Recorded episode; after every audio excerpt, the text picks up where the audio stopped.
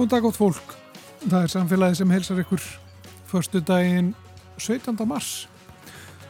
Hér sýtti ég Guðmundur Pálsson og Þóruldur Ólastóttir og ætla að vera hér næsta klukkutíman. Hafið það farið fram hjá einhverjum, þá er dilt töluvert um skórækt á Íslandi, um umfang hennar og tegundir trjáa sem er plantað. Og ætlum að gera tilraun hér og eftir til að reyna að skilja betur helstu átaka línur í þessari umræðu allri. Fáum til okkar Þóru Ellen Þórhalsdóttur sem er plöntuvistfræðingur og profesor við Háskóla Íslands og ettu Sigurdís Ottsdóttur sviðstjóra rannsóknarsviðs hjá skóraktinni. Hinga kemur svo Sindri Gíslason, forstöðumöður náttúrustofu Suðvesturlands. Hann held í gerð erindu um framandi sjávarlíferur sem berast hingað til dæmis með kjölferstu vatni, vatni skipa á rástefnu um aðluguna loslasbreytingum sem var haldin í gær. Hann segir okkur frá mikilvæg þess að bregðast við þessu. Og svo heimsækjum við matjúrstakarða Reykjavíku borgar en fyrir þessara viku var opnað fyrir umsóknir um þá. Guðni Ardís Olgerstóttir er allt í öllu þar. En við skulum byrja á skóraktinni.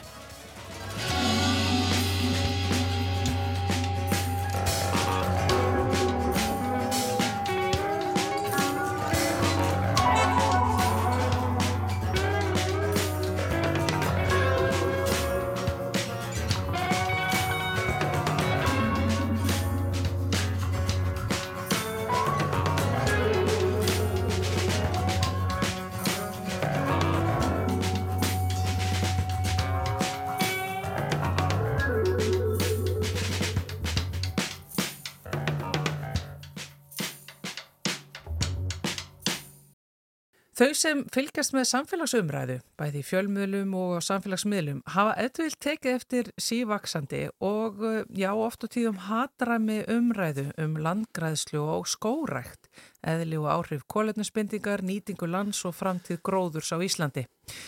Við hér í samfélaginu okkur langar til að reyna að skýra og skilja þessa umræðu betur, þessi átökjapel, án þess að fara ofan í einhverja skotgræða, við erum á að segja að það takist svona tveir skólar á en um nákvæmlega hvað og hvað er undir. Það er spurningin og til að fara yfir þetta með okkur eru sestar, já kannski nokkuð skona fulltrúar þessara anstæðu póla. Það eru Þóra Ellen Þórhalsdóttir sem er plöntu vistfræðingur og profesor við Háskóla Íslands og eina stoppfélögum vina íslenskara náttúru og svo Edda Sigurdís Ottsdóttir, sviðstjóri rannsóknarsviðs hjá skóraktinni. Sælar báða tvær og takk fyrir að koma í samfélagið. Takk. takk fyrir. Sko, ég ætla kannski að fá að byrja á að fá ykkur til þess að skýra í stuttu máli og skýru fyrir fólki sem er að koma alveg ískallt að þessari umræðu. Hvað er verið að deila um þegar kemur að skórakt og landgræslu í Íslandi ef, ef þú byrjar, Þóra? Já, þetta er, það eru marga hliðar á þessu máli en það sem að, að ég myndi, það sem að mér finnst vera sko einna brínast uh, til að taka til umræðu er annars vegar, er annars vegar umfangið á fyrirhugaðri skórakt á þessari öld um, og hins vegar uh, tegunda valið sérstaklega í ljósi þess að það er mikil áhersla á notkun bartrjáa og tvær tegundirna sem eru mest notaðar sem eru stafafura og sitkagrinni eru þekktar að því að vera ágengar í öðrum löndum. Og mörg okkar telja alla líkur og núna komna rannsóknar niðurstöðu til að styðja það að stafafuran muni verða ágengi í íslenskri náttúru og það er mitt mat að svo umhverfis vá sem er líklegt til að, að vera mikilvægust e, fyrir Ísland á þessari öld sé, séu áhrif innfluttra og ágengra tegunda álífræðilega fjölbreytni. Etta, hvernig blæsir þetta við þér, þessar línur? Já, Sko, ég hef nú reyndar ekki miklu ráhugir af umfanginu. Uh, við erum að vinna eftir, eftir hérna, nýri stefnumótun matalarðanvöndinni sem að gera ráð fyrir að, að það verði aukning um 15.000 hektar af rektuðum skói og þá verði rektaði skóar komnar upp í 1,7% sem er svona svipað og, og dalvíkubyggt. Mm. Og endurhend byrki sko að gera ráð fyrir að, að, að hérna, það verði um það byrjum 5% af landinu til 2031 en, en miða við hvernig það gengur bara og það er háð svo mikið annari landnótkunna þá getur við gert ráð fyrir kannski með svipuðu nú, núverandi meðalengningu að verði svona um, rétt umlega 2% um aldamótin. Varðandi innfluttartegundir að þá er það alveg rétt að við erum að nota erlendar trjátegundir með byrkinu. Byrkið er samt sútegund sem við erum að gróðusetja langt mesta. Við gróðusetjum já, síðustu tíu árum frá 30% uh, upp í tæp 40% núna síðast. Mm. Og það verður svona aðeins að, að taka þetta með líka með að, að, að það er alveg rétt að uh, alla trjátegundur þær geta sáð sér út og þær gera það á stöðum þar sem er hendugt og rannsóknir sem að Þórælinn vísar í við höfum heimt skoðað þann land líka og, og eiginlega komist að þver öfugri niðurstöðu sem að sínu nú svolítið hvað, hvað vísindin geta verið skemmtileg sko að, að hérna, þetta er nú það, því miður fyrir okkur öll og þá er náttúrulega ekki einföld. Þetta væri miklu einfaldar ef hún væri einföld en uh, þar, er, þar eru margt hérna, sérstakar aðstæður, það er mjög hendugt svæði fyrir, fyrir staða fyrir að dreifa sér út. En við erum núna, erum með upplugt hérna net mæliflata sem við kallum íslenska skóarúttekt, það sem við erum að, að, að mæla og meta íslenska skóa, þar með talið kvalmyndspindingu og ef við skoðum það, nú höfum við verið að skoða þar sko reyti sem eru utan skóana, sem eru á það sem við kallum jæðarsvæðum sem við förum á, við höfum verið að skoða hvaða, hérna, hvernig þetta er með, með hérna, sjálfsáningu trjátegunda í þá reyti Og þá erum við ekki að sjá mjög marga, við erum að sjá, sko við skoðum 89 reyti á síðast ári.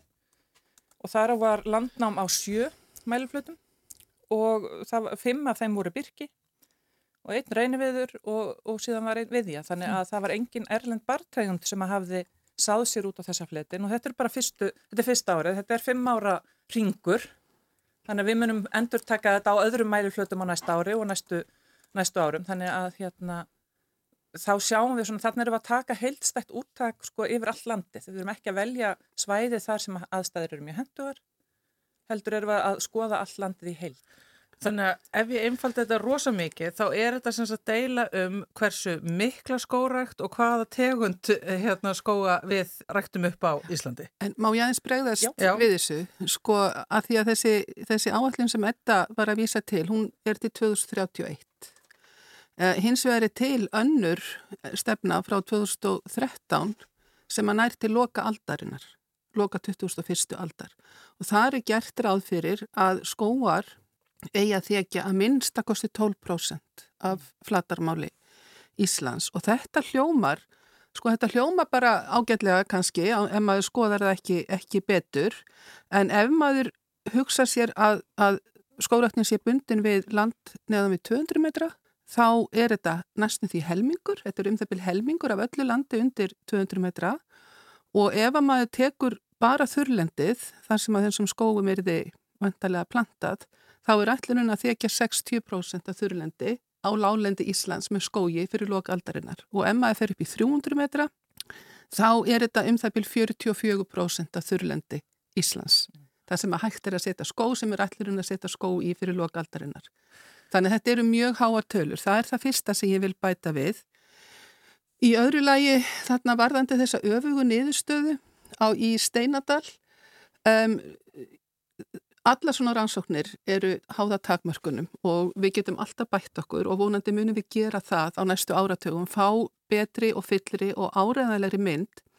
Ég ætla samt bara að benda á að þessi rannsókn sem að þetta er að vísa í Þannig að það komur þetta út á svona okkur til á sama tíma að annars vegar er um að ræða rannsókn með einu sniði og hins vegar uh, rannsókn sem að ég er þá uh, með þeim undir að sem að er með 22 snið og samaburð frá 2010 til 2021. Þannig að það er þessi setni sem að gefur alveg ótvíraða niðurstöður um, um gríðarlega aukin útbríslu hraðarstafafurinni um, það hvernig hún getur komið sér fyrir í bæði mólendi og svona tiltöla opnu byrkikjarri og neikvað áhrif á uh, hérna bæði uh, fjöldaæðplantna og, og lífræðilega fjölbreytni þeirra um, það eru nokkuð ótvíræðar mm.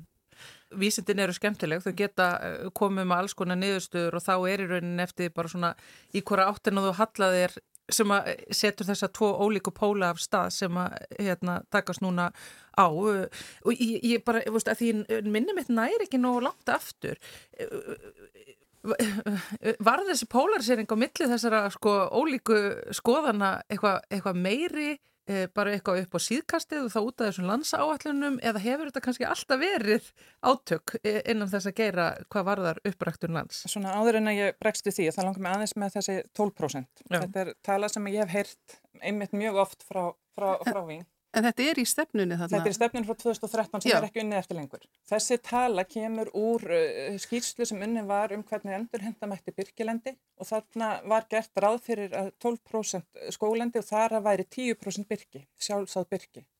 Og það væri þá þarna 2% uh, sem að væri ræktaði skóar. Og höfum það í huga að af þessum ræktuðum skóum að þá er þriðjungur en byrki líka. Og sjálfsáð byrki það virðir ekki hæðatakmarkanir og með hlínuna þá maður alveg gera ráð fyrir því að það fari herra upp og, og mun herra heldur en 200 metra og mun herra heldur en 400 metra. Þannig að við erum ekki að tala um að við ætlum að herrtaka allt land neðan 200 metra. Við erum enþá að tala um 2%, 1,7 til 2% í ræktunum skóum. Afgangurinn er sjálf, aukinn sjálfsvonning byrkis. Þannig að, að þetta, að því að ég hef leiðrætt þetta nokkrum sinnum og þannig að ég vil gætna að koma því enn einu sinna tækifæri að þetta, þannig erum við ekki að tala um 12% þekju ræktara skóa, heldur heldar skóa, byrkiskóa, ræktara skóa, náttúrulega byrkis og byrkikjars.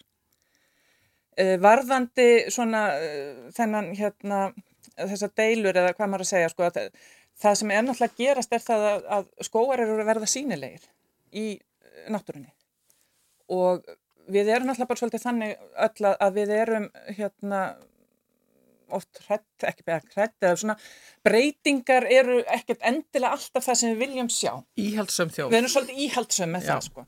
Og, og það er alveg rétt og, og hérna við þurfum alveg að vera það líka.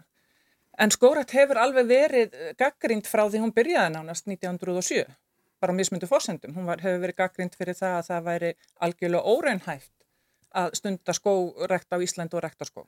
Mm. Það var einn gaggrínin. Núna þegar að, að það kemur í ljós að það er hægt að þá er gaggrínin svo að við eigum ekki að stunda skórekt eða, eða, rekta með skó. Þannig að, að það hefur alltaf verið gaggrín og við tökum hjá skórektinni fagnandi á móti allri faglegri gaggríni. Mm. Hins vegar verður að segjast að hluti af því sem hefur kallað gaggríni hefur rauninni verið byggt á raungum forsendum. Það verið að snúa út úr tölum og verið svolítið að hérna sumi myndu kalla þetta skýtkast þannig að, að það er það sem kannski við þurfum svolítið að skoða betur. Hvernig við getum tala saman án þess að vera komin einmitt eins og þú sagðir í einhverja skotgraðir En e, er þetta varðandi það sko hvernig þetta fer svona stað úrst að því að almenningu fer að taka eftir þessari mhm. umræðu að, að hún, hún verður svona harkalegri þóra, er þetta til dæmis úrst af því að þið vinir íslenskar náttúru komið inn bara miklu krafti inn í þessu umræðu og, og hérna hafið hafi verið að vekja aðtekla á alls konar hlutum sem að hérna maður hafi endilega kannski ekki tjóksað um áður. En, veist, er, eru þið kannski svona þessum að rulluðu þessu að stað? Ég held að þetta hefur verið gerjandi, verið svona í gerjun mjög lengi sko, það eru mjög margi sem að hafa haft áhyggjur af þessu. Já. Það er náttúrulega fyrsta skipti sem þessi svona umræði kem fyrir á stað, það var þetta út á lúpininni. Já, er ekki, þetta er ekki... eiginlega bara svipað. Já, þetta er, þetta er svipað, þetta er í raun að veru sama vandamálið að það sé verið að dreifa tegund óheft um landið sem að er mjög líklegt að verði ágeng. Veist, e, e, ég myndi ekki fara með umræðinni lúpinu og henni heitan pott nei, sko, nei. í sundlu um þessa lands. það vil nú samt svo skemmtilega til að þið þóraðilegn erum bara nokkuð sammála með lúpinuna þannig að það er alveg það er svo sem já, já. það lítir fyrir að tala um hann já, en, en senst að sko með, með hérna uh, hefur, ég hef líka heyrt í fleikt oft frá skóraktinni og meðal annars á skóraktastjóra að tré get ekki verið ágeng og stafafjörðan get ekki verið ágeng. Um, Ég held að einn ástæðan fyrir því að við, að sko hún er bara, hún er lengi af stað.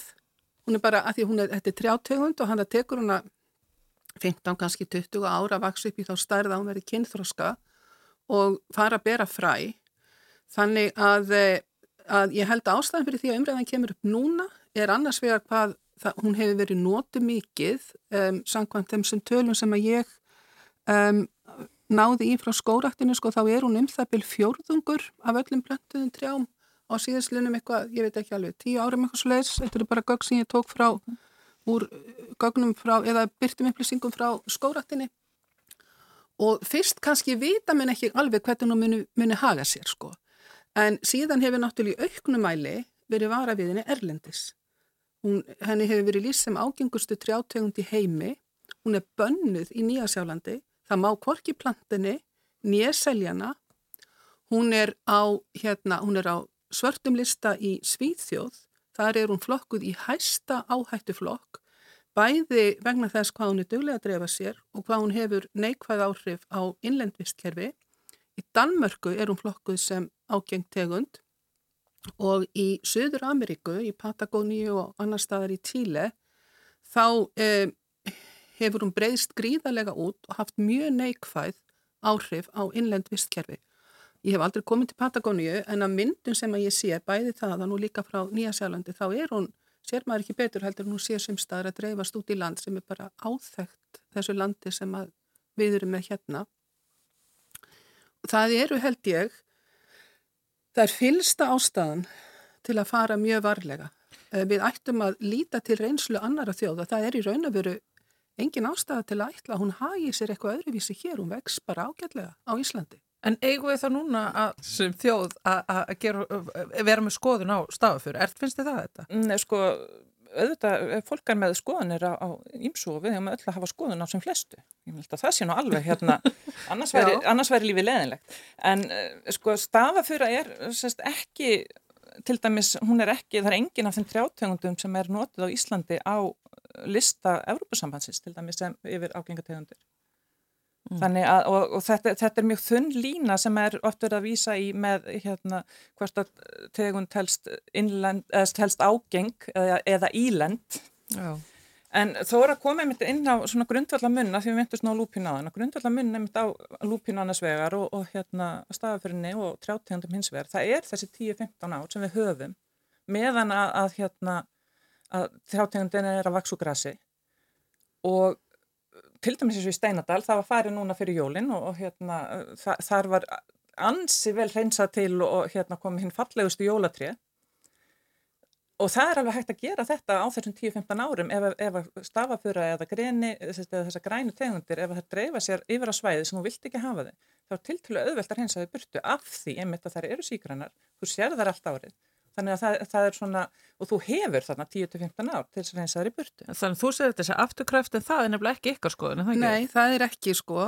Um, nú, aftur af þeim gögnum sem að ég hef getað tekið saman, þá sínist mér að það, um, að það sé um það byl svona 800 óliki staðir með plöntuðum hérna rektuðum trjám á Íslandi. Ég veit ekki nákvæmlega hvað stafafuran er í mörgum, þannig að við hefum farið þá leið hér á landi staðan fyrir að búa til svona fáa stóra eh, reyti eða svona plantegrur þá eru við með þetta mjög dreift í mörgum litlum blettum og flestir þessara, eða minnstakosti margir þessara bletta eru umlugt í landi sem að stafa fyrir hann til dæmis eða sittgagreini og eða alaskaösp gæti dreifst úti og þær geta dreifst bísna langt. Eh, lengsta fjarlægð frá af stafafuru frá reit sem að ég þekki til eru nýju kilometrar. Fræðin geta fókið á ís og hjarni yfir langar vegalindir. Og þar sem sko, það getur vel verið að þar sem að skóraktin hefur umsjón með svæðum, að þar sé mannskapur til að fara um og saga þessi tríja niður. En hvað með alla þessa bændaskóa? Það eru, það eru svæði sem eru í rauninni best skipulagða hérna, landnótkun sem þú finnur á landinu því það er uh, bændas, megnið af bændaskóm og megnið af skórætt á landinu, svona undaskilið þess sumabústaðarekt og svo leiðis, er uh, mjög vel skipulagð. Það er sérst farið í rauninni, það er skipulagt með tilliti til landsveð, það tekir tillit til fortminja til þess að fara ekki að gróðu sitt í votlendi og, og reynt að taka tillit til landslas og fleiri fleiri hérna uh, fleiri þannig þáttan uh, það er valin, valdar tegundir uh, sem að hafa þá bæði sem tekum með að því hver, hver er tilgangurum með skórættinni því að tilgangurum getur verið margskonar og eins þá hvaða tegund hendur á hverju svæði fyrir sig. Þannig að, að þar er og þar eru gerðar þar umhyrðu áallanir og, og hérna og þeim er fyllt eftir og til dæmins eins og þarna í Steinadal sko þetta er hérna gamal uh, skóratafélagsreitur uh, sjálfsáningin átti sér stað út á Engaland og þar var nú bara haft samband við bóndan og, og ekkert mála að fá að fella trén að því það er líka eitt sem við megum ekki gleyma, það er að trén, þetta eru verðmæti.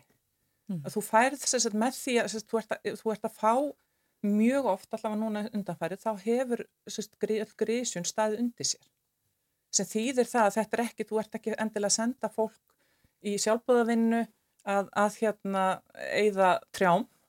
Þetta er orðið viðskiptamótel. Þetta er orðið viðskiptamótel og ég persónulega sko eh, sagan sínir bara, við stóðum okkur ansi vel í því að hreinsa burt byrkiskógin án þess endilega hafa ætlað okkur það, án þess endilega hafa tækin í það. Uh, skóareyðing á heimsvísu er stort vandamál og það er bara til ansi hérna góð tæki til þess að fella skóa og, og hérna koma þeim í burtu. Þannig að ég get ekki síðan að þetta sé ekki óafturkræf aðgerð. Tímin er alveg að hverfa okkur ja, ja, Ég ætla að fá að svara þessu sko. Þetta er, já, þetta er risastór umræði þetta, ekki, þetta er ekki reynsla annara þjóða. Og það sem að ég ætlaði að, að, að bæta við með þessa litlu reyti vandamálið eru ekki stafafurinnar sem að koma upp þremi metrum frá móðuplöntunni vandamálið er þær sem að fara 300 metra eða 3 kilometra eða jafnvel ennþá lengra frá móðuplöntunni sem að einhverjar munu gera og hver verður til þess að fara um landið á þryggjára fresti lúslesaða og finna allar þessar plöntur. Jarðir á Íslandi eru svo stórar, ég held að þetta mun ekki, ekki gerast.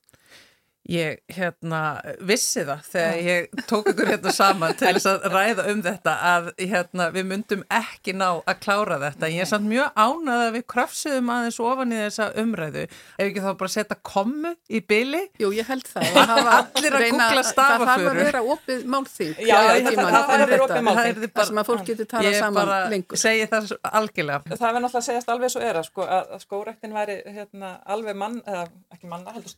alveg ef að það væri hægt að skipulegja þannig við værum með, með stóra skóarreiti en ekki marga litla því það myndi það, það væri miklu betra fyrir okkur líka þannig að Já. þetta snýst líka allt um síðan eignar hald á landi og áhuga þannig að þetta er, mm. þetta, er, þetta er ekki, sko það er ekki bara náttúra sem er flókin heldur kemur síðan hérna mannlífið þannig inn í líka.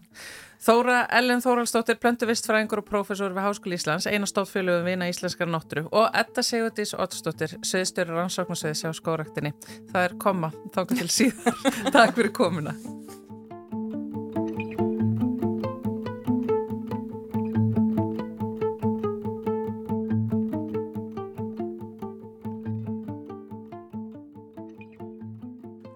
Ætlum að tala næstu mínutunar um framandi sjávarlífurur hér við Ísland. Og þá eigum við við kannski já, sjávarlífurur sem hafa ekki mikið verið hér áður. Eh, þetta er ekki einhver svona sæskrimsli eða þess aftar, það er ekki það sem er kannski framandi við þessar sjávarlífurur heldur er þetta, já þetta eru lífurur sem við höfum ekki séð hér. Eh, en, en þetta er að breytast og það er kannski vegna lofslagsbreytinga og tíðra, tíðari komu skipa en hann er sestur hérna hjá mér Sindri Gíslason sem að eh, er hjá Náttúrstofu Suðvesturlands og hefur kannat þetta og, rannsakað daldið. Við höfum talað við þig áður Sindri um, um grjótkrabba Já. sem er kannski eina af þessum framandi sjávarlífurum eða hvað? Akkurat, hann er einn af þessum nýri landnemum Það er kannski ágætt að fara fyrst í skilgreiningu framandi tegundar. Þetta kannski vefsóldi fyrir fólki, en það er þá tegund, undir tegund eða lægri flokkunar eining sem að, og hér er líkiladriði, hefur sem menn hafa flutt, viljandi eða óviljandi og útverðið sitt náttúrulega forna eða núverandi búsvæði óháð því hvernig það gerðist. Þannig að ef að tegund sem eru uppröðin úr kyrrahafi finnst hér alveg saman hvort hún barst hérna á átjöndu eða nítjöndu öld, þá er þetta framandi tegund út af því að náttúrulega getur hún ekki bóristinga. Það er mjög ólíklegt. Já, þetta er, þetta er skilgrinningin. Þetta er skilgrinningin. Hún, hún ætti eiginlega ekkert að vera hérna. Hún bara ætti ekki að vera hérna. Nei. Og þannig að þetta er ekki sumir ugglaði svo ég halda þá kannski makrill sé framandi tegund, það er ekki framandi tegund, það er tegund sem er bara náttúr, vegna náttúrulega breytinga er að synda hingað. Mm -hmm. e, nú svo verða sumar þessar framandi tegunda, þær geta orðið ágengar. Þá erum við komið vandamálið sko. Það er tegundir sem í viðkomandi visskerfi sína mikla eða hraða útbreyðslaukningu af eiginramleik eða þá valda, eða eru líklega til að valda minkun líffræðilegar fjölbreytni, efnagslegu eða umhverfslegu tjóni eða eru skadalega heilsufari manna. Þannig að þetta er svona skilkringin á því og kannski þekktast að dæmi um skadaleg heilsufars áhrif á menn eru kólera sem er bakterja sem að veldur svona slemri yðrakveisu og hún er til dæmis, uh, hún hefur borist með kjölfæstu vatni melli hafsvæða. Nú, svo er sko, þetta er, þetta er svona undarlegt hvað er lítið talað um þetta átta því að framandi tegundir eru í dag taldar önnur helsta ógnin við líffræðilegan fjölbreytileika á heimsvísu og eftir búsæðaeyðingu. Og það er með við hvað málefnið stór. Það var alveg afskaplega lítið talað um það. Og helstu fluttningsleðir í sjó eru með kjölfestu vatni og á skipskrokkum með fiskeldi, eh, með sleppingu gæludýra. Það er nú ofta tíðum að fólk vil ekki farga dýrnu, bara styrtar gullfisknunni er í klósetið eða eitthvað. Svo er það um skipaskurðinni eins og það ekki um og það er til dæmis eins og súeskurðurinn og panamæðið og svona. Og svo bara viljandi uh, flutningur og það er kannski þekktast að dæmi það er eins og kongakrabbin í Noregi. Býtur nú, já, þar var, þar var, eh, var ekki tilurinn þar til að ala hann Já, eða hvað? Já, fluttur frá Rúslandi. Já, og það fór ekki vel. Eða hvað? Sko þetta er orðin atvinnuvögur þar en kongakrabbin hefur mikil áhrif á lífrikið, Mm mjög stór tegund og þannig að en vandamálið er líka það að uh, sko við erum ekkert að velja okkur svona með til dæmis skipakomunum. Við erum ekkert að velja okkur hvaða tegundir er að koma inn. Flestar eru bara mjög miklar vandamálategundir og geta valdið alveg svakalegum efnahagslegum áhrifum. Fyrir utan náttúrulega við hugsaum þetta á rosalega mikið hérna sem samfélög út frá efnahagslegum neikvæðum áhrifum.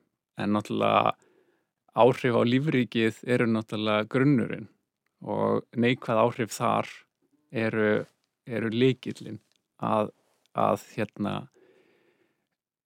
við þurfum alltaf að bera hag náttúrunnar fram yfir okkar efnagslegu uh, kvata en Það hangi bara heila saman líka. það hangi nefnilega saman á endanum já, já. þannig að það er þannig að þetta er sko uh, uh, svo erum við sko eins tegundirnar eiga nefnilega þegar við svona tegundaflutning þá eiga tegundirnar í nýjum búsvæðum oft ekki náttúrulega óvinni sem að gera það að verkum að tegundirnar verða allsráðandi. Það er ekkert sem heldur þeim niðri. Og þetta eins og með kongakrabban hann á enga náttúrulega óvinni við strendun Noregs. Og uh, ekki þegar hann er stór. Og hérna hér á landi eins og með grjótkrabban hann hefur náttúrulega uh, breyðst gríðalega hratt út þetta verður mjög stór, eða svona frekar stór krabbi á, á íslenska mælikvarða. Þetta er stærsta krabbategundin á grunnsæfi og það eru bara mjög fáir afræningjar þessi tegundir sem að geta ráði við hann þegar hann er svona stór. Þú talar þarna á, á rástefnu í gær mm. þar sem að vera að fjalla um aðlögun að loslasbreytingum Mm -hmm. og um, maður velti fyrir sér sko með þessar tegundir sem að berast hingað og eru framandi vegna þess að það, er- það eru það eru aðtapnir mannfólks sem að verði þess að þessar tegundir berast hingað. Mm en það er ná fótferstu kannski vegna þess að umhverfið hefur breyst? Já, sko í dag hérna sko skipaflutningar eru helstu flutningsmátin í heiminum í dag.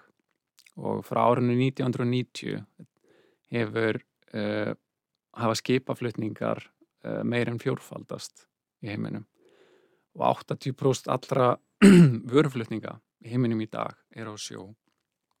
Og það er talið alltaf 10.000 tegundir sem berast um heimsöfin á hverjum einasta degi með skipum. 10.000 tegundir. En það er þannig að það er rosalega mikil pressa. Þegar meina pressa þá er álægið svo mikið. Það er, það er stöðugu flutningur af þessum tegundum. Og auðvitað eh, nær bara brotabrott að nema land á nýjum slóðum og skilirið þurfa að vera rétt til að tegundin nái að hasla sér völl, setja stað og fara að fjölga sér. En þessi stöðu í flutningur gerir það verkum að það er, er alltaf meir og meiri líkur á að skilirðin verði rétt á einhvern tímapunkti og ef við erum til dæmis að upplifa núna breytingar, hækkun og hita hér, þá opnar það fyrir gríðarlega mikinn fjölda af tegundum sem að getur þá numið land hér sem gata ekki áður.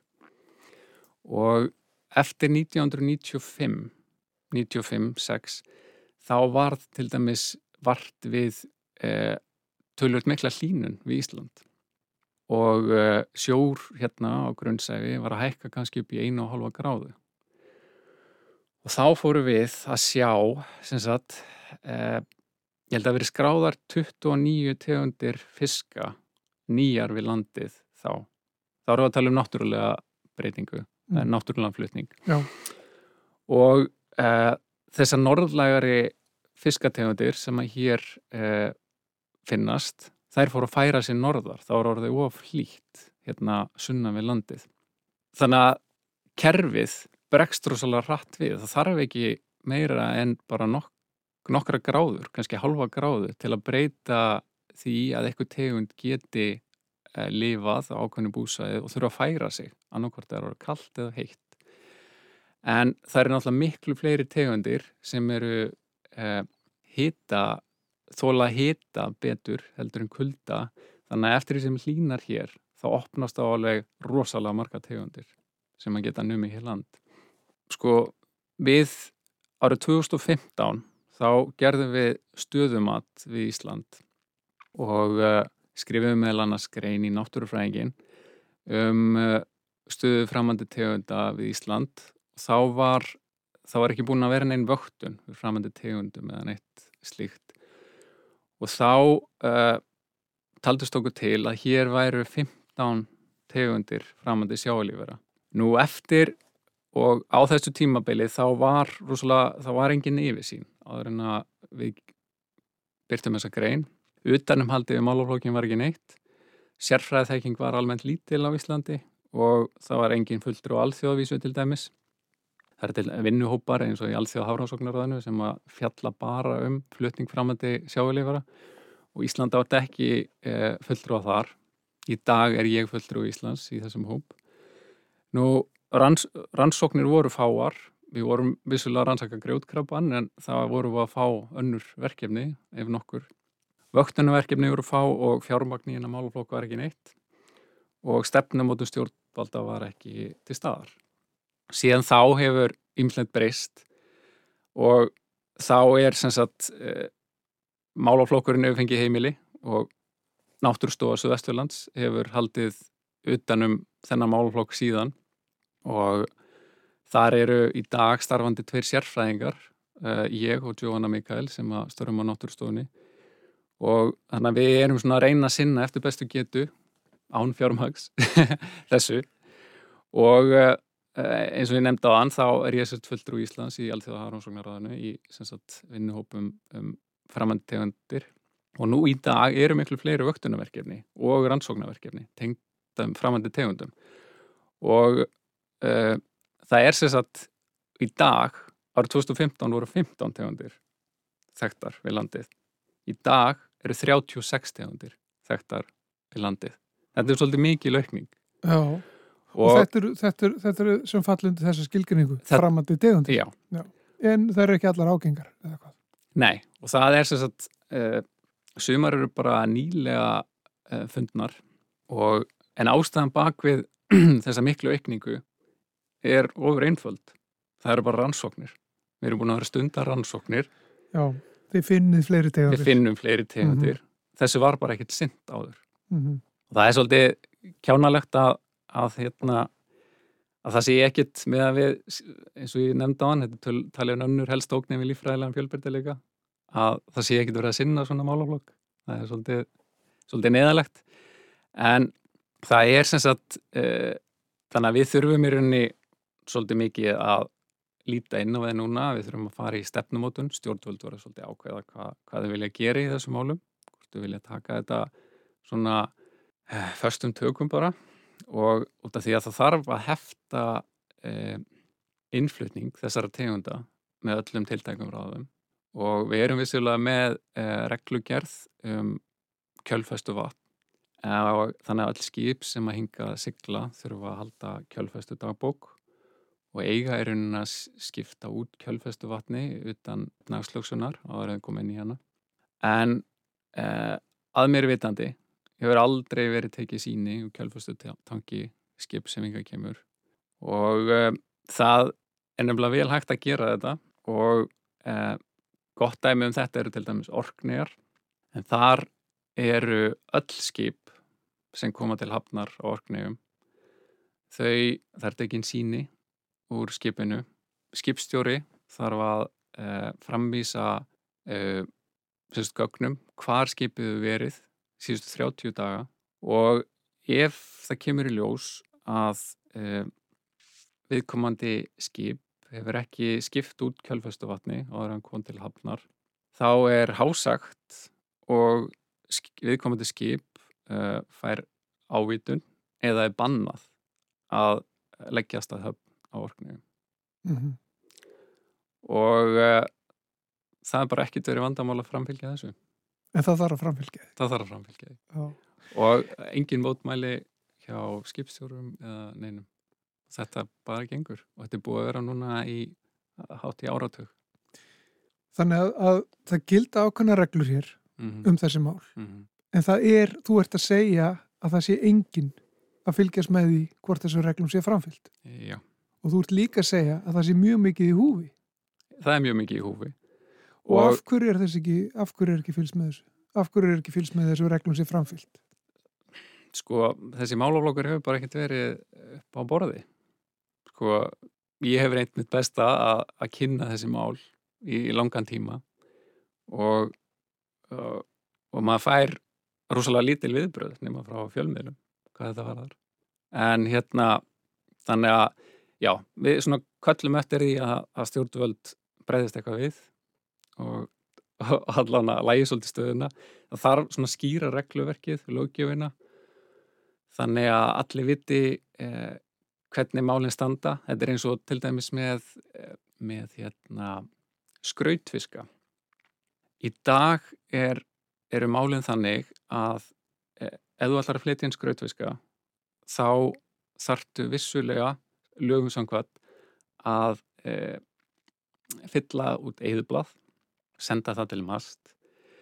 E, þá getur þú mögulega fengið e, innflutningsheimild. En á þessu eðublaði þá eh, þarf ekki að skrifa eh, sagt, eh, vísendalegt heiti tegundar þú getur bara sagt gópifiskur eða eitthvað þarf ekki tilgræna hvaða tegund tegundin sem hún uh, getur verið að flytja inn getur verið á rauðunlusta yfir uh, tegund í útrýmingahættu en út af því hvernig kerfið er í dag þá þarf bara, þá þarf bara að lagfæra þetta uh, þá er henni væri hægt að flytja hvað sem er inn með þessum hætti. Já, er annað viðhorf til eh, þessara dýra en annara dýra sko? Það, hér hefur oft þótt bara ansið stramt eftirlit með innflytningi á dýrum. Já, en sko ég... Það er sömu með þótt að mérstu kosti. Já, það er kannski aðlega þá eitthvað að fara ala dýrin eða eitthvað. Þá getur þetta orðið hérna Eh, svona meira mál en sem er skrautfisk og annað verist engum eh, máli skipta eins og þetta geti bara ekkit borist neitt annað mm -hmm. en þekkjum alveg tegundir hérna vatnaplantna og, og, og hérna eins og uh, vatnakrappa sem að gætu til dæmis lifað í, í sumum ferskvasslækjum hér og ám og vötnum sem hefur að flytja inn í, í búr mm. þannig að þú veist og sérstaklega fólk er, er ítla við að drepa dýrin og, og hérna ákveður þessi stað að sleppa þeim eða styrta nýri klósett þá Geða er hættan fyrir hendi sko. Já, Já. Þannig að við erum í rauninni ekki sko, að, að ásaka neitt, við erum bara svona benda á gloppunar það þarf bara að lagfæra þetta. Það, er, sko, á engin sög á hvernig þetta er. Við þurfum bara að, að laga stöðuna eins og hún er. Það lítur að vera mikið í húfi hér hjá þjóð sem á mikið undir fiskveðum til dæmis og, og lífriki hafsins og aðstæðum eh, í hafinu og, og svo frávegs. Nákvæmlega. Og sko um, þetta er í rauninni, já eins og ég segi, stefnumótum stjórnvalda vantar, það vantar aðgerðilega eftir flutning framöndi tegunda til landsins og það vantar fjármagn í vöktun og rannsóknir. Út af því að þetta er sko, þetta er samfélagin svo dýrt, ágengar tegundir eru samfélaginu dýrar og við þurfum ekki annað en að horfa til nákvæmlandana sem hafa lend illa í því. Og það er svo dabulegt að, að þurfa dett onni í brunnin sko. bara eigum ekki að þurfa að hættunar alveg nógu mikla fyrir. Að hérna, við eigum bara ekki að þurfa að e, taka alla þessa sjensa. Við eigum að, því að það er rosalega erfitt að uppræta tegundirnar þegar þær eru búin að hasla sér völl hérna þá er það í rauninni, við myndum aldrei geta upprætt grjótkrapan til dæmis núna. Hann er búin að nema 70% strandlenginar sko hafninar, inn á það aðan að hafninar eru svona fyrsti viðkomustæður þessara tegunda. Manngert yfirborð á hafnasvæðum er svona fyrsti staður þar sem tegundirnar eh, setja stað eins og botlega lífurur þar setjast utan á bryggjukanta, undir flótbryggjur og þaðan berast þar svo út, uh, út fyrir hafnirnar og út í bara visskerfið. Þannig að hafnirnar er algjörlega líkillin í þessu. Það er svona, setti ég á lakirnar eh, verkefni árið 2018 um vöktun hafna. Þá erum við að fylgjast með flótbryggjum í höfnum, allt í kringum landið og flótbryggjur eru nefnilega alveg frábært vöktunar tæki út af því að þar, þær fylgja bara hérna mm, flóð og fjöru þannig að lífverðurnar sem að þar setjast að er ekki að upplifa það að fara þurft ákveðin tíma dags og þóla þessar sveiblur þannig að þetta er svona þægilegasta eh, búsvæði fyrir tegundunar til að setjast að þessar botlega lífverður og við erum sérst búin að fylgjast með því og við erum búin að fylgjast með landnámi núna sex framandi möttuldýrategunda á ekki lengri tíma. Þetta er allt þekktir skadavaldar við það um heim þessar sex möttuldýrategundir núna og við hefum svo fylst með tegund færast milli hafna eftir árum. Þannig að kannski fyrsta árið finnst hún í Reykjavík eða Hafnafyrði eða Grindavík. Og svo segjum sem svo hann finnist fyrst í Grindavík fyrst. Næsta ár finnst hún í Sangjerði og svo eftir þrjú ár þá er hún að finnast í flestum höfnunum. Þannig að þær eru vissilega að koma inn tegundirnar núna bara á síðustu árum. Og það er rosalegt að fylgjast með þessu. Og, og vitandi það að þetta eru þekktir skadvaldar erlendis. Og það væri alveg hægt eins og með út af því að flótbryggjur eru svona rosalega hendugt búsvæði. Það væri til dæmis, eh, sko nú er ég ekki hafðfræðingur og ætla ekki að fara að pæli í einhverjum kostnaði.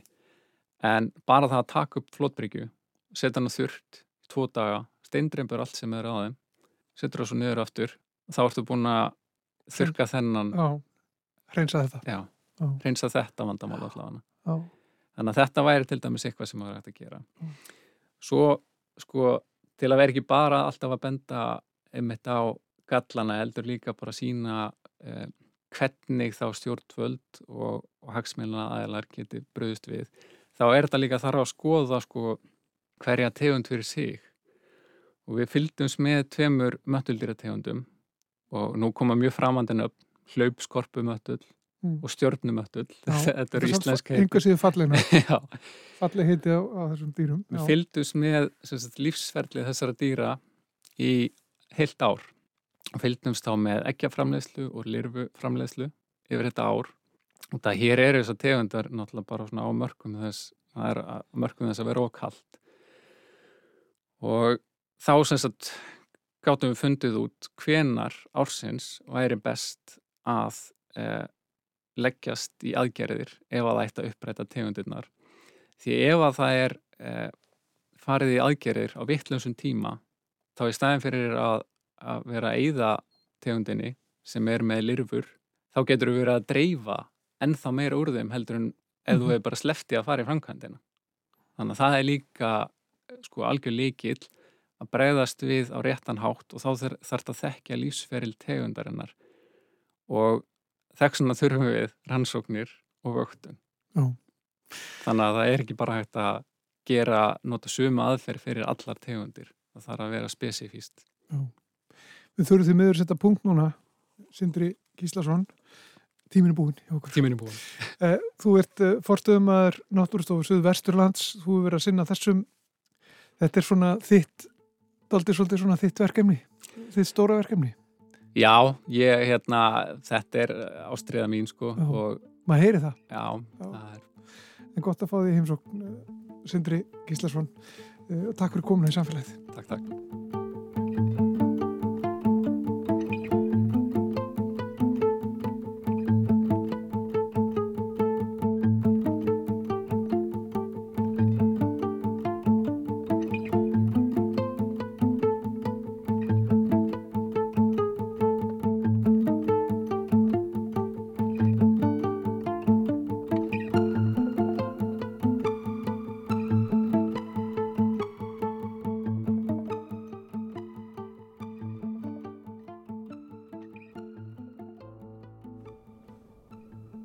stættur í laugadalnum við uh, matjúrstakarða Reykjavíkuborgar sem eru þar og matjúrstakarðarnir eru víðar um borgina og kannski stærstu garðarnir ekki í borginni, þeir eru í Skammadal sem eru Mósusbæ. En uh, það var opnað fyrir umsóknir í matjúrstakarða Reykjavíkuborgar núna í þessari viku og hér er Guðni Arndís Olgersdóttir, hún er yfirverkstjóri garðisku hjá, hjá Reykjavíkuborg. Nú búið að opna fyrir þessar umsóknir. Eh, Þetta eru nokkrir staðir sem fólk getur ræktað. Er það ekki græmeti og, og, og fleira eða þetta það hér í borginni? Já, þetta eru hérna, það er sem sagt garðar í Þorragötu, eða við Þorragötu, síðan er í Fossvogi, það er hérna í Laugadalum þar sem við erum stödd, svo er í Árbæ, Grafavogi og síðan upp á Kjalanissi. Og síðan eru 100 fermetra garður upp í Skammadal. Já. 100 fermetra? Já, það eru 100 fermetrar þar, en hérna eru, hjá okkur hérna í fjölskyldugarðanum í Reykjavík, þar eru sagt kassa sem eru 8 fermetrar og síðan reyti sem eru 20 fermetrar. Já. Þannig að það eru 100 fermetra sem hættir að fá þar til að rækta? Já, upp í, upp í Skammadal, Já. já. Sko hérna þar sem við stöndum núna, hérna voru einu svona skólagarðar og, og það var líka við Þorrakvötuna og, og víðar. Þetta er ekki lengur eins og þetta var þegar að, krakkar komu hérna á sumrin og, og, og voru hérna með hjólburur að þvælast og, og rækta randísur og fleira. Nei, nei, nei það, en börnin geta komið hérna. Þetta er náttúrulega bara heitin og nýta fjölskyldugarðar. Þannig að þetta er bara fyrir alla fjölskylduna, þannig að það er ekkert að afmerka þetta neitt. Þetta er bara fyrir alla. Já. Uh, sko núna stöndum við hér og, og maður horfir við garðan og það er svona, það er ekki mjög blómlegt kannski núna, það er nú bara mars og það er frost. en maður getur látið sér dreyma um, um sumarið og þegar maður horfir hérna yfir og heyrir í fugglunum, við heyrir nú mikil fugglasöng hérna áðan. Þetta verður náttúrulega mjög blómlegt hérna og það er mikil gróður hérna og það eru það er mikið að trjám og svona. Þetta, ver, þetta er alveg indislegu staður hérna sko og í þessum görðum þetta er líka að fara að mynda svona ákveðin samfélög oft í kringum þessa garða. Eh, Þeir sem sagt fólk er að fá þetta aftur sumar eftir sumar. Það er sem sagt gengur fyrir þeir sem voru með garða í fyrra, þeir ganga fyrir núna. Síðan er opnað fyrir almennar, eh, fyrir þá garða sem eru lausir núna 15. mars var opnað og þá er hægt að geta allir komið nýjir inn. Já. Og hvernig sækja maður um þetta? Er- Þarf maður að fara ykkur að byrjuð? Um, það er orðin byðröði hérna við Þorragötun og það er bara allt farið þar. Þannig að þetta er mikil ásokn í þessa garða og hérna, en það er laust hérna í lögadalum og það er laust í logafóldinni, árbænum og svo náttúrulega nóga görðum upp í Skammadal. Já. Og það er indislegt að vera þar líka, það er alveg bara frábært á sömurinn sko. Mhm. Síðan erum við að skaffa hérna bæði vatn og mold, þannig að fólk uh, hérna getur bætt garðana sína með moldinni og vökva, vökva svo. Ef við, við sagt sköffum ekki verkfæri, það verður að skaffa það sjálft. Já. Fær fólk einhverja leiðsögn eða vill hérna læra handtökin eða kann þetta ekki alveg sko en langar kannski að eiga ég vil segja eitthvað af káli og fjóra róur og kannski nokkra já. við höstinu. Það, sem að reyna veru, e, sko netfangi okkar er reykjavík.is. Þú sækir bæðum garðana þar og svo getur þú fengið leysögn. Og uh, ég, eins og ég segi, það er alla gróðrastöðar sem eru með forrækta grammiti og er að selja þetta á vorin. Þannig að fólk þarf ekki að hafa neina áhugju, það getur bara farið í gróðrastöðu og keft það þar sem að vill rækta og setja hérna niður. Hvað er nú best að rækta eins og hér í laugadalunum? Hvað væri gott að, að hafa í huga ef maður ætla að rækta matjúrstir hérna í sumar? Það er nú svo margt að rækta sko. Það er nú algengast er nú karteblur. Síðan rófur, gulrætur, sumur eru með kvítlaug, það eru með bönir. Þetta er orðið mjög fjöl, fjölbreytt ræktun og bara mjög gaman að sjá hvað fólk er áhuga samt með þetta.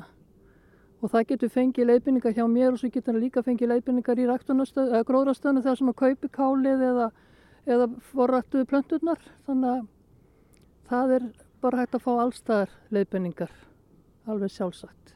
Já. En það er, eins og þú segir, sko, það er allt orðið fullt hérna á Þorragötunni til dæmis. Er þetta hverfiskipt áhugin? Eru vestubæðingarnir eitthvað svona spenntari fyrir því að, að rækta matistur inn í borg? Já, ég finn það að fólk náttúrulega leitar eftir görður sem er í nágræni sínu. Þannig að, já, þeir eru bara, það þyrfti eru nú að stækka þá garða. Það er það sem er svona svolítið draumurinn að fá að stækka svolítið meira af þessum görðum. Gera fleiri því þetta er bara það mikil ásokn í þetta. Já. Þannig að byggðil eftir penning í þetta. Já, en það er nú plás.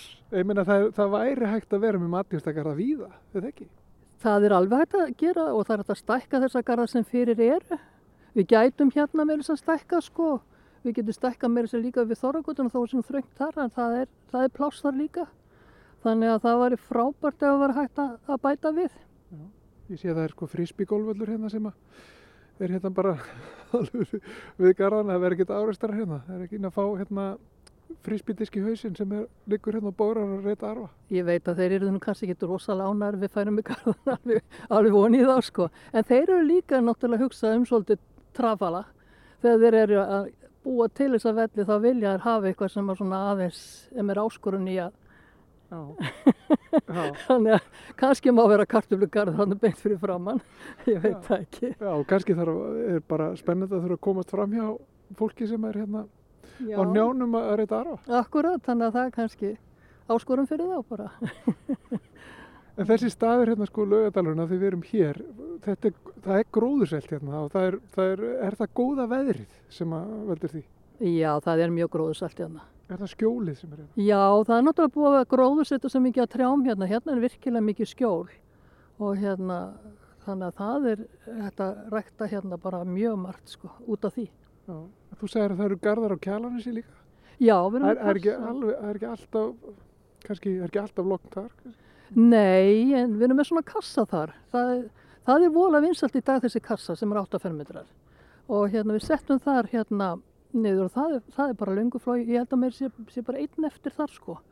Já, Þannig að það er alveg verið að rækta þar á fulli líka sko. Já. Og mér langar kannski að taka svo fram með þessi kassa sem við höfum verið að gera. Þetta er sko mjög þægilegt fyrir eldra fólk oft á tíðum. Heldur en að vera með þetta alveg niður við jörð. Við höfum líka haft svona uppækkaður sem að kassana sem er bara til dæmis fyrir fatlaði og fólk sem er á erfitt með að beigja sig. Þannig að við erum svona að reyna að þróa okkur í þá átt, mætti vera meira að því, en við erum að þróa okkur í þess átt, þannig að allir getur verið með. já. En að því við nefndur kjalanins aðan, sko, þá kannski held ég því til að haga. Það er oft gott viður á kjalansi. Ég hef oft verið þar í góðu veri. Já, já, ég bara, líka. Bara svo við segjum það, Já, já, já, algjörlega, það, það er, og það er alveg hægt að rækta þær, það er ekkert mál, vissulega, og margir sem gera það. og margir sem gera það. já. Uh, er, uh, þú sagðir aðan, sko, það er dálítið byggðlisti sumstaðar. Sumstaðar er komin byrjuð að fá, fá útlutað, ekki allstaðar. Ef fólk vill nú uh, drífi þessu, hvað á það að gera?